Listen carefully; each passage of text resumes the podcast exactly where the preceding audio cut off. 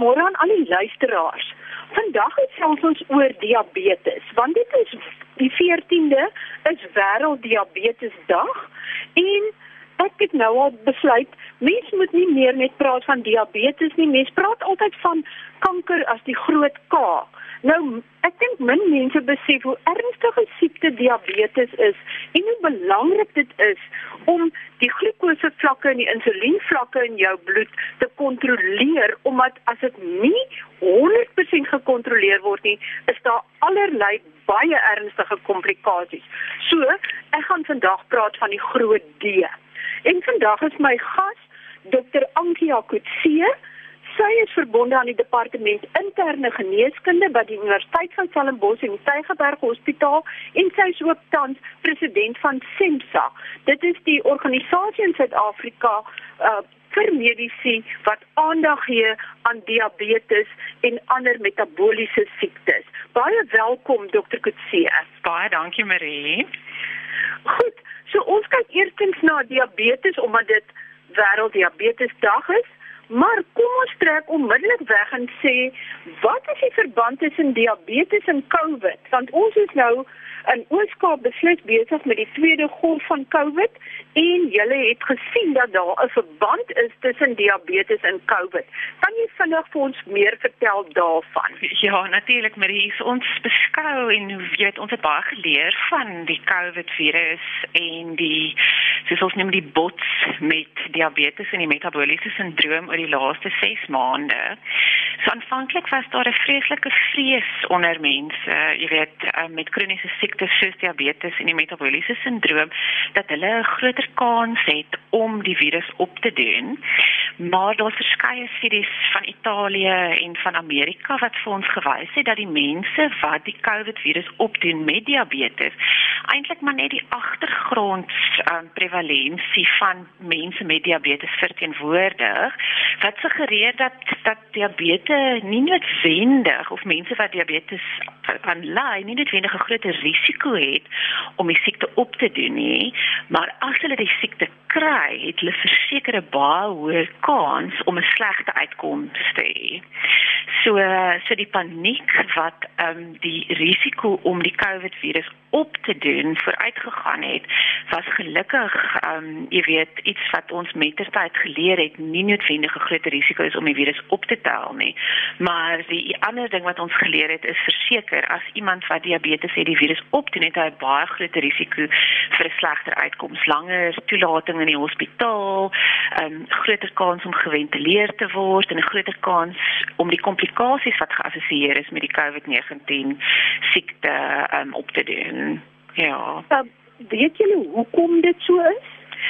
Maar dit is 'n baie interessante vraag en dit is iets wat moeilik is om net op 'n op 'n suikerbasis alleen te verduidelik, maar ons moet onthou dat baie mense wat diabetes het, ander komorbiditeite ook het. Ehm um, mens hoor ek praat baie van die metabooliese sindroom, so as ons dink aan iemand met tipe 2 diabetes, byvoorbeeld dink ons altyd aan die faktore in daai mens wat bydraend is tot 'n slegte kardiovaskulêre uitkoms. En daai faktore is dan obesiteit, ehm um, jy weet cholesterol abnormaliteite, ehm um, die hiperglisemie ensovoorts ensovoorts. En elke een van daai komponente kan bydra tot 'n slegter uitkoms. Ons weet ook dat mense wat diabetes het, 'n groter kans het om byvoorbeeld nierversaking of nierinkorting te hê wat per se 'n probleem is in enige kritieke siekte. Ehm um, boonbehalwe die glisemiese beheer, maar dit lyk wel of daar definitief verskil gemaak kan word as mens kyk na die graad van die abnormale glikose in mense wat diabetes het. So ehm um, so ek dink die rede vir die slegte uitkomste is multifaktorieel omdat ons nie net met hiperglisemie per se ehm um, jy weet ge, gekonfronteer word in die konteks van COVID-19 nie. Daar's ook verskeie studies wat kyk na na die redes en dit maak dit baie moeilik want bitter min mense wat tipe 2 diabetes het is nie obese nie. So dit is baie moeilik om daai verskillende kategorieë of bydraende faktore in een persoon uit te dissekteer. So dis heel waarskynlik maar die die die kombinasie van al die verskeie risikofaktore. Ja, want die dokters uh, wat ek mee praat wat uh, ek wil amper sê op um, in die algemene on by ongevalle en in die algemene sale ja. op die platteland te doen kry met COVID is is die pasiënte wat die ernstigste siek word is beslis die wat reeds diabetes het en die wat dan nog boonop oorgewig ook is en ander uh, probleme reeds ontwikkel het as gevolg van diabetes wat moontlik nie so goed uh bestuur is nie. Ja, ja. Maar jy weet die oomblik as iemand in 'n ongeval kom, dan dink ek altyd wat kan ons verander en wat kan ons nie verander nie. En ek dink die een interessante ding wat wat die COVID-19 pandemie weer vir ons bevestig het in in die konteks van mense met diabetes is dat ons versekerde verskil kan maak in terme van jou uitkoms al sou jy dan COVID kry, deur aandag te gee aan jou jou glisemiese beheer voordat jy toegelaat word ten tye van die toelating en dan daarna. So daar's verskeie studies wat gewys het dat mense wat eintlik dieselfde fenotipe het, wat 'n beter waarde van suiker het as hulle by die hospitaal toegelaat word en ook 'n waarde van suiker, ons noem dit die HbA1c wat kyk na hoe jou suikerkontrole in die laaste 3 maande voor die siekte was, het verseker 'n baie baie baie beter kans vir positiewe uitkoms in vergeleke met iemand wat 'n slegter waarde het wat sou aandui dat hulle syfers hoër was voor toelating. So ek dink ons is darm nie ehm um, jy weet hopeloos in daai opsig nie. Ons kan definitief iets doen om ons risiko te verlaag vir 'n slegte uitkoms sou ons kry wat het al het ons diabetes. Goed, maar dit hang dan baie van die pasiënt self af hoe goed hy na homself kyk en hoe goed hy self sy glikose insulien vlakke monitor. Ja, Maria raak 'n verskriklike uh, uh, belangrike punt aan en jy verwys eintlik na die selfbestuur van pasiënte in hulle kroniese toestande en spesifiek dan nou diabetes. Ehm um, jy weet en ek ek dink nie dit kan oorbeklemtoon word daai selfbestuur komponent nê. Ehm um, jy weet mense sien baie keer die dokter vir 10, 20, 30 minute as hulle gelukkig is in Suid-Afrika. Ehm um, en in in ander lande ook om die waarheid te sê en jy weet daai tyd met 'n mens dan mag gebruik om die pasiënte so goed as moontlik op te lei om hulle siekte self te bestuur en daar's verskeie komponente aan daai selfbestuur van siekte en dit is van absolute kardinale belang um, in die behandeling en in die voorkoming spesifiek van iemand met enige kroniese siekte en diabetes nog meer uh, as jy nou sê met die selfbestuur dan bring dit my onmiddellik aan die brief wat ek gesien het wat SEMSA aan die minister van gesondheid gerig het oor verpleeg verpleegsters se kundigheid oor hoe om pasiënte met diabetes goed te bestuur en hulle die diabetes goed onder beheer te hou. En dan ook ek wil amper sê die tekortkominge wat die COVID pandemie in diabetes sorg blootgelê het. Kan jy daaroor uitwy. Ja, verseker maar is so ehm um, so die brief waarna jy verwys is ehm um, geen van die punte wat daar in aan jy weet aangespreek word is nie nie en daar's verskeie tekortkominge ehm um, jy weet in die behandeling van diabetes in verskeie wêrelddele maar spesifiek in Suid-Afrika is een van die groot tekortkominge ehm um, eerstens dat daar nie noodwendig genoeg spesialiste is soos endokrinoloë om ehm um, jy weet om pasiënte pasiënte met diabetes te behandel nie. So dit is byvoorbeeld nie jy weet as jy iemand is met diabetes gaan jy nie noodwendig eers toegang tot 'n endokrinoloog verskry nie. Ehm um, en as gevolg van die graad van die pandemie van diabetes is dit nie meer van so aard dat dit is dat endokrinoloog of spesialiste of GP's eksklusief diabetes moet kan behandel nie. En vir daai rede ehm um, wêreldwyd het die IDF, die internasionale diabetes federasie hierdie jaar verklaar um, en as die die jaar van die suster of die verpleegkundige in diabetes sorg juis om die belangrikheid van daai vlak van sorg te beklemtoon. So ja, so ons is baie ongelukkig in daai opsig in Suid-Afrika want dit is regtig 'n verskriklike groot gaping in die bestuur van diabetes.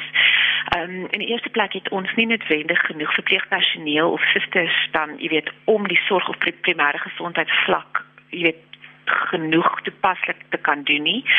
Tweede is daar verskriklike variasie in terme van die opleiding en ek seker dit dit ehm um, jy weet dit is net nie net van toepassing vir verpligtinge nie maar by elke ehm um, gesondheids ehm um, jy weet ehm um, spesialist. Ehm um, en is die weet die die nasionale vereniging van verpleging bied nie 'n kursus aan waar waar verpleegpersoneel hulle self kan kan ehm um, spesialiseer in diabetes nie. Jy weet so geen nagraadse diploma wat spesifiek op diabetes gerig is, is beskikbaar in Suid-Afrika nie. Ehm um, daar's verskeie verpleegers wat dit graag sou wou doen, maar tydens die COVID pandemie, jy weet, um, het ons ook agtergekom dat dit is baie moeilik vir hulle om noodwendig toegang te kry tot die internet om hulle self te kan bemagtig in terme van diabetes sorg. En laastens sien we daar's bitter min diabetes um, verpleeg onderrig personeel wat wat erken word as sulks. So daar is byvoorbeeld nie poste in die staat waar hulle die vergoeding kry um, wat jy weet wat anders ehm um, versorgers in daai spesialis areas, byvoorbeeld in 'n ICU suster, sal voel 'n spesiale vergoeding kry as gevolg van daai ekstra skillset as ek dit so kan sê. Ehm um, en daar is nie vergoedingsmoontlikhede vir vir verpleegpersoneel in Suid-Afrika wat hulle as sulks in in so spesifieke diabetes rigting sal kwalifiseer nie wat dit baie minder aanloklik maak vir hulle, jy weet, om spesifiek in daai rigting te studeer. So dis die verpleegdeel ehm um, van die saak so wat COVID vir ons gewys het is ehm um, jy weet dat ons baie meer mense nodig het om diabetes sorg op 'n primêre en 'n sekondêre gesondheidsvlak paslik aan te spreek. Ehm um, en dat daar baie baie baie tekortkominge is wat net deur die COVID pandemie aan ons uitgelig is omdat hierdie pasiënte hospitaal toe gekom het vir die eerste keer. Is met ander woorde het dit gebeur dat mense wat julle nie geweet het diabetes het nie weens die COVID pandemie in die hospitaal beland het en dan vind julle uit hulle het diabetes of het julle net vasgestel dat die mense se uh, bestuur uh, van hulle siekte baie swakker was omdat hulle nie na die klinieke toe wou kom vir monitering. Ja. Maar dit is 'n kombinasie. Ja. Ja, maar ek voel in rede, maar dit is ah, dis 'n kombinasie van die twee. So in die eerste plek het ons 'n baie groot hoeveelheid mense gesien wat toegelaat word vir respiratoriese klagte soos COVID en dan vir die eerste keer met diabetes gediagnoseer word, maar die bloedtoetse wat dan gedoen word, daai aan dat hierdie mense al vir baie langer diabetes het. Dit is met ander woorde nie noodwendig net 'n nuwe diagnose nie.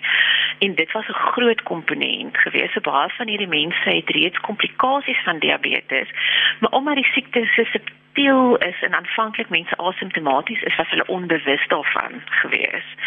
Ehm um, so dit is die een aspek. Die ander aspek is dat daar mense is wat bevestigde en bekend is met diabetes, maar dat hulle baie van die komponente van um, in terme van diabetes hantering ehm um, of nie noodwendig geoptimaliseer was in die laaste ruk voordat hulle met die COVID pandemie um, nou met 'n nuwe siekte gepresenteer het, nê. Voordat ons verder gaan en ek gaan nou 'n bietjie verder dieper in in die saak in. Maar as dit klink vir my werklik of daar 'n diabetes epidemie in die land is of eintlik 'n diabetes pandemie in die wêreld is, hoe groot is die probleem werklik? Ja, maar weet as jy kyk na internasionale syfers, ehm um, sê hulle dat omtrent dat die syfers in Suid-Afrika ehm um, geskat word is omtrent 6% van mense het diabetes. Maar as ons 'n bietjie in diepte gaan kyk, ehm um, besef ons dit is maar die tipie van die ysberg, want as jy na studies gaan kyk, ehm um, in Suid-Afrika is daar areas waar een uit elke 4 mense omtrent diabetes het. En ongelukkig omdat ons nie 'n nasionale diabetesregister in Suid-Afrika het en almal nie noodwendig getoets word wat risikofaktore het vir diabetes nie, dink ons daai persentasie regverdig of is nie akkurate weerspieëling van mense wat diabetes het in Suid-Afrika nie. So alhoewel dit geskat word op 5%, dink ons die syfers lê baie baie baie nader aan dubbel of driedubbel daai persentasie. Sjoe, en en is die oorsake meestal 'n uh, verkeerde lewenstyl? Ja. Maar as ek dink aan die oorsake van diabetes, dan dink ek altyd daar's soveel vlakke, jy weet, of vir my dink ek aan 'n mikrovlak en 'n makrovlak. Ehm um, so daar is verseker leefstylfaktore wat 'n um, noemenswaardige bydrae maak op die mikrovlak.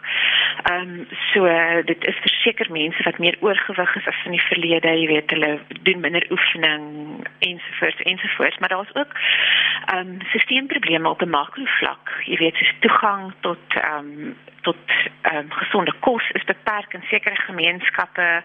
Ehm um, jy weet so, so ek dink altyd daaraan aan veranderlikes wat ons persoonlik kan verander en veranderlikes dan in 'n stelsel wat wel ook aangespreek moet word. En ek dink daai kombinasie van die twee verhoog ons risiko vir vir tipe 2 diabetes, meestal op die gewigstoename ehm um, perspektief. Sjoe. En die die voordat ek weer terugkom tot die verpleegsters en die probleme daar en met uh die behandeling van diabetes, wil ek net terugkom na waarom is dit so belangrik hmm. om jou glikose insulien vlakke so goed te moniteer?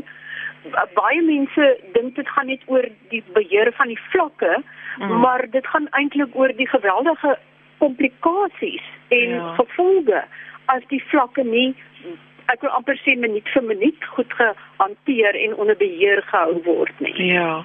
Maar is, as jy dink aan wat ehm um, jy weet wat gesondheid is, dis eintlik maar 'n interseksie tussen die biologiese, die psigologiese en die sosiale aspekte.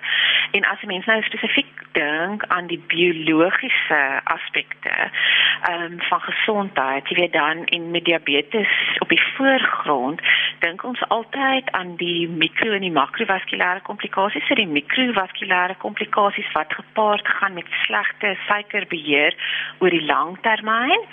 Ehm um, as ook die makrovaskulêre komplikasies wat baie gekoppel is ook aan die gewig, hoë bloeddruk, cholesterol ensovoorts. Maar dit is net een komponent van die slegte dinge wat kan gebeur as jy ongekontroleerde suiker het. Jy weet soos wat ons nou vroeër gepraat het, is mense se immuunstelsel um, en elke liewe aspek van jou liggaam word geaffekteer deur deur deur abnormale homeostase. So so verseker ek bedoel op 'n langtermyn vlak in terme van om dinge te kry wat dit veronderstel is om te wees binne 'n normale verwysingsraamwerk is die ideaal want dit verlaag jou kanse vir al die komplikasies, jy weet. So die mikrovaskulêre komplikasies is soos die blindheid en die nierversaking en die makrovaskulêre komplikasies is soos die hartaanvalle, ehm um, die beroertes, die beenverlies, ehm um, ensovoorts ensovoorts. En jy weet as jy kyk na um, risikofaktorbeheer in diabetes, kan ons elke een van daai komplikasies voorkom. Goeie gesien ek het ek het een keer 'n onderhoud gedoen met 'n Kanadese ehm um, um, endokrinoloog mm. en hy het gesê eintlik as diabetes baie goed beheer word, behoort daar eintlik geen mens te wees wat 'n amputasie van sy voete of bene nodig het nie.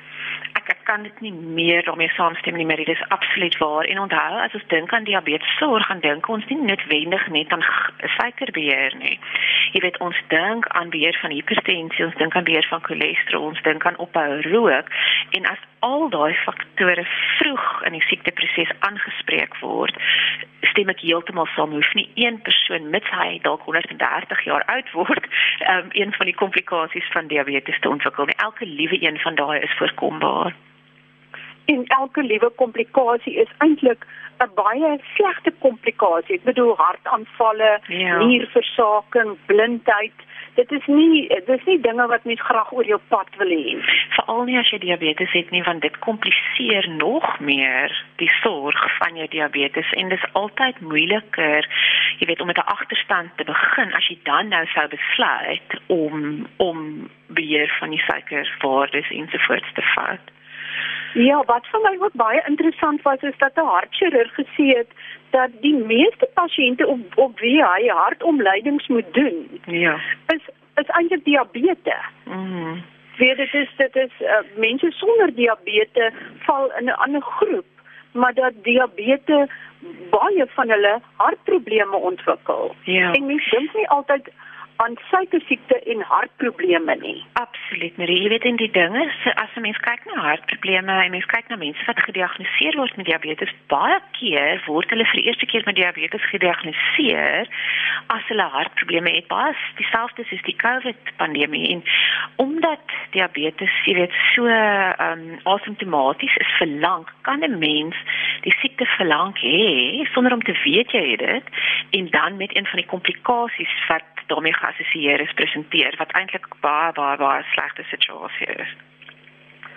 Dokter Kutsie, dan wil ek terugkom na die verpleegsters toe. Mm. En in die eerste plek Suid-Afrika het nie naaste by genoeg verpleegsters nie en nie naaste by genoeg uh vir, ek wil amper sê 4 jaar verpleegsters wat 'n 4 jaar opleiding het en dan verpleegsusters word nie. Ja. Maar, en daar sou al die verpleegkolleges wat toegemaak het, sou weer oopgemaak het en daar sou aandag gegee gewees het aan meer om meer verpleegsters op te lei, maar daar het eintlik dadels van gekom. Ja. Nou hoe as ons nie eens genoeg verpleegsters het nie. Verder is daar baie dokters wat sê dat selfs die verpleegsters wat tans opgelei word, word nie naaste by so goed opgelei soos 10 en 20 jaar terug nie.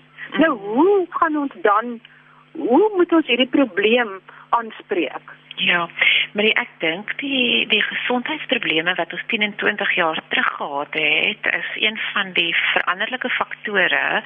Ek dink self as ek nou moes medies swat, weet ek ook nie hoe ek dit sou gedoen het nie, want ek dink daar was 'n ontploffing in terme van die hoeveelheid kroniese siektes in die eerste plek en dit was nie saam met 'n parallelle vermeerdering in die hoeveelheid verpleegpersoneel nie. So, ek gaan nou Engelse woord gebruik, maar daar's 'n groot mismatch tussen die hoeveelheid ehm um, gesondheidsorgwerkers in die eerste plek en die hoeveelheid pasiënte wat sorg nodig het. En ek dink sonder om dit aan te spreek, ehm um, jy weet daai ratio gaan ons nooit voorkom nie. Ehm um, se boon behalwe die kwaliteit van opleiding wat vir my baie moeilik is om jy weet om om objektief van te praat want ek werk met fantastiese verpleegpersoneel en susters wat in diensopleiding doen en wat regtig ten spyte van die feit dat hulle nie gekwalifiseerde diabetes onderrig ehm um, grade het nie fantasties is in terme van diabetes onderrig. Ehm um, maar dit is verseker 'n ander gaping, jy weet en ek dink as jy 80 pasiënte op 'n dag moet sien, maak nie saak hoe goed jou opleiding is nie. Dit gaan baie baie moeilik wees om die graad van sorg wat nodig is te implementeer in daai konteks. Met ander woorde, die kwantiteit, die hoeveelheid en die kundigheid en die erkenning van die kundigheid uh, moet baie uh, duidelik baie groot aandag kry. Dit het verseker groot aandag nodig. Uh, Marie, jy slaan die spyker op die kop. En ehm um, het julle enige terugvoer al gekry van die minister van gesondheid oor julle versoeke? Marie, nee, ek dink die voordeel van as ek dit sou kan stel van die COVID pandemie het vir ons klinkklare nommers gegee. Ehm um, wat die departement van gesondheid vir die eerste keer dalk, jy weet, gesien kan word in terme van die kwantiteit of die graad van die die onderliggende probleem. Maar dit is baie moeilik, jy weet, want waar begin jy? En ek dink ehm um, in 'n land wat daar net 'n sekere hoeveelheid hulpbronne is, is uh, in in die hulpbronne word op verskeie plekke benodig, is dit nie noodwendig 'n maklike besluit om te besluit presies waar gaan daai daai hulpbronne eerste nie. Ehm um, en ek dink, jy weet met die sugar tax en daai tipe goeders is die departement van gesondheid besig om wel aandag te skenk ehm um, in 'n groot hoedanigheid oor hoe om diabetes te voorkom in die eerste plek. En ek dink dit is 'n baie goeie strategie wat baie meer koste-effektief is op die lang termyn as eenvoudig om te fokus op die behandeling van diabetes. So dit is 'n baie baie moeilike probleem om om aan te spreek en ek dink nie daar is ehm um, jy weet 'n uh, 'n uh, uh, oplossing waarop ons vandag gaan gaan kan besluit nie, maar ek dink dat 'n mens wel op elke vlak die probleem aanspreek, ehm um, is is uiteindelik wat nodig is. Dokter Kutsie, as jy in 'n metodop 'n boodskap moet gee vir iemand wat dalk nog nie gediagnoseer is met diabetes nie of wat reeds gediagnoseer is met diabetes, wat sal daai belangrike aspekte wees wat jy graag wil beklemtoon en onder hulle aandag wil bring. Ja. met die voorkoming voorkoming voorkoming so in die eerste plek ehm um, voorkom dat jy die risikofaktore ehm um, het wat jy kan verander wat jy weet geassosieer is met diabetes so gewig oefening die die maklike goed wat eintlik jy weet so klisjé geword het wat ons ehm um, altyd bespreek. Ehm um, dit is vir iemand wat nog nie diabetes het nie. As jy 'n risiko het vir diabetes om seker te maak dat jy jaarliks, so dit is as jy ouer as 45 is, as jy oorgewig is, dat jy elke jaar geëvalueer word vir diabetes, vir hipertensie en vir cholesterol abnormaliteite as jy dan wel diabetes het om nie te wag tot jy komplikasies het nie die oomblik as jy gediagnoseer word om dit te prioritiseer en om aanvanklik goeie goeie beheer oor elkeen van daai faktore te kry. Ehm um, en en voorkoming op elke liewe vlak en om jouself so goed as moontlik in te lig oor wat um, wat ons baie miskonsepsies in terme van diabetes. Mense dink byvoorbeeld breinsuiker is gesonder maar breinsuiker en witsuiker is altyd suiker in jou lewe jy weet so om se van die begin so goed as moontlik jouself in te lig oor die die miskonsepsies in terme van diabetes sodat jy nie in daai gat val waar jy dink jy doen die regte goed, maar eintlik is dit die verkeerde dinge en dan later betaal jy die prys daarvoor nie. En heuning is ook maar besuiker. Ja, maar ek dink as ek weer gaan hoor dat heuning is goed vir my en suiker en breinsuiker dan gaan ek dalk self hartprobleme ontwikkel in die kliniek. Ehm um, so elke vorm van koolhidrate word in die liggaam omgeskakel na suiker. So ehm um, en mense ironies genoeg dink partykeer hulle doen goed, jy weet, ehm um, en en al daai goed word in suiker omgeskakel en is dit insulien nodig vir al daai um, produkte wat in die liggaam na suiker omgeskakel word. So die een van insulienoogpunt af is nie noodwendig beter as die ander nie. En en 'n ander miskonsepsie wat ek baie teekom is dat mense dink as hulle diabetes het, hulle neem glad nie koolhidrate in nie. Ja. Ehm um, dat hulle ehm um, dan eintlik so gesond kan wees dat hulle eintlik nie insulien nodig het nie, maar hulle besef nie dat as hulle uh glikose vlakke laag word dan sit die liggaam self dit om om die glikose vlakke te handhaaf nie want die ja. brein moet tog glikose kry. Ja, maar ek sê mense het eintlik baie min ehm um, koolhidrate nodig om te oorleef en ek dink daar's baie mense, jy weet, as gevolg van porsiegrootte wat wat 'n miskonsepsie het van die hoeveelheid koolhidrate wat ons nodig het. So ons sien baie pasiënte wat 'n verskriklike groot koolhidraatlading het net as gevolg van wat porsies met ander woorde, jy weet porsiegrootte wat verander het en versteekte koolhidrate in kosse, veral geprosesseerde kosse wat jy nie sou beskou as 'n koolhidraat nie, maar dit is 'n koolhidraat. Ehm um, jy weet en as gevolg van dit, die oomblik as mense dit aanspreek en mense normaliseer die koolhidraatinname en leer mense wat 'n regte porsie grootte is, kan ons met baie minder insulien oor die weg kom. En mense, maar dit sal nou maar afhang van waar in die fase van diabetes hulle is, jy weet of hulle insulien nodig het en of daai insulien, jy weet, ehm um, die die hoeveelheid koolhidrate wat hulle inneem, ehm um, jy weet, reflekteer. Baie baie dankie Dr. Ankie Akutse. Ehm um, sy was vandag my gas gewees. Sy's 'n endokrinoloog in by die departement interne geneeskunde by die Tygerberg Hospitaal en Universiteit van Stellenbosch en ook voorsitter van SEMSA, die professionele groep wat kyk na diabetes riglyne in Suid-Afrika. Ons sal nog ure lank oor diabetes kan praat, maar ons tyd is verby. So baie groete van my, Marie Hudson en volgende week gesels ons weer gesondheidsake. Tutsins.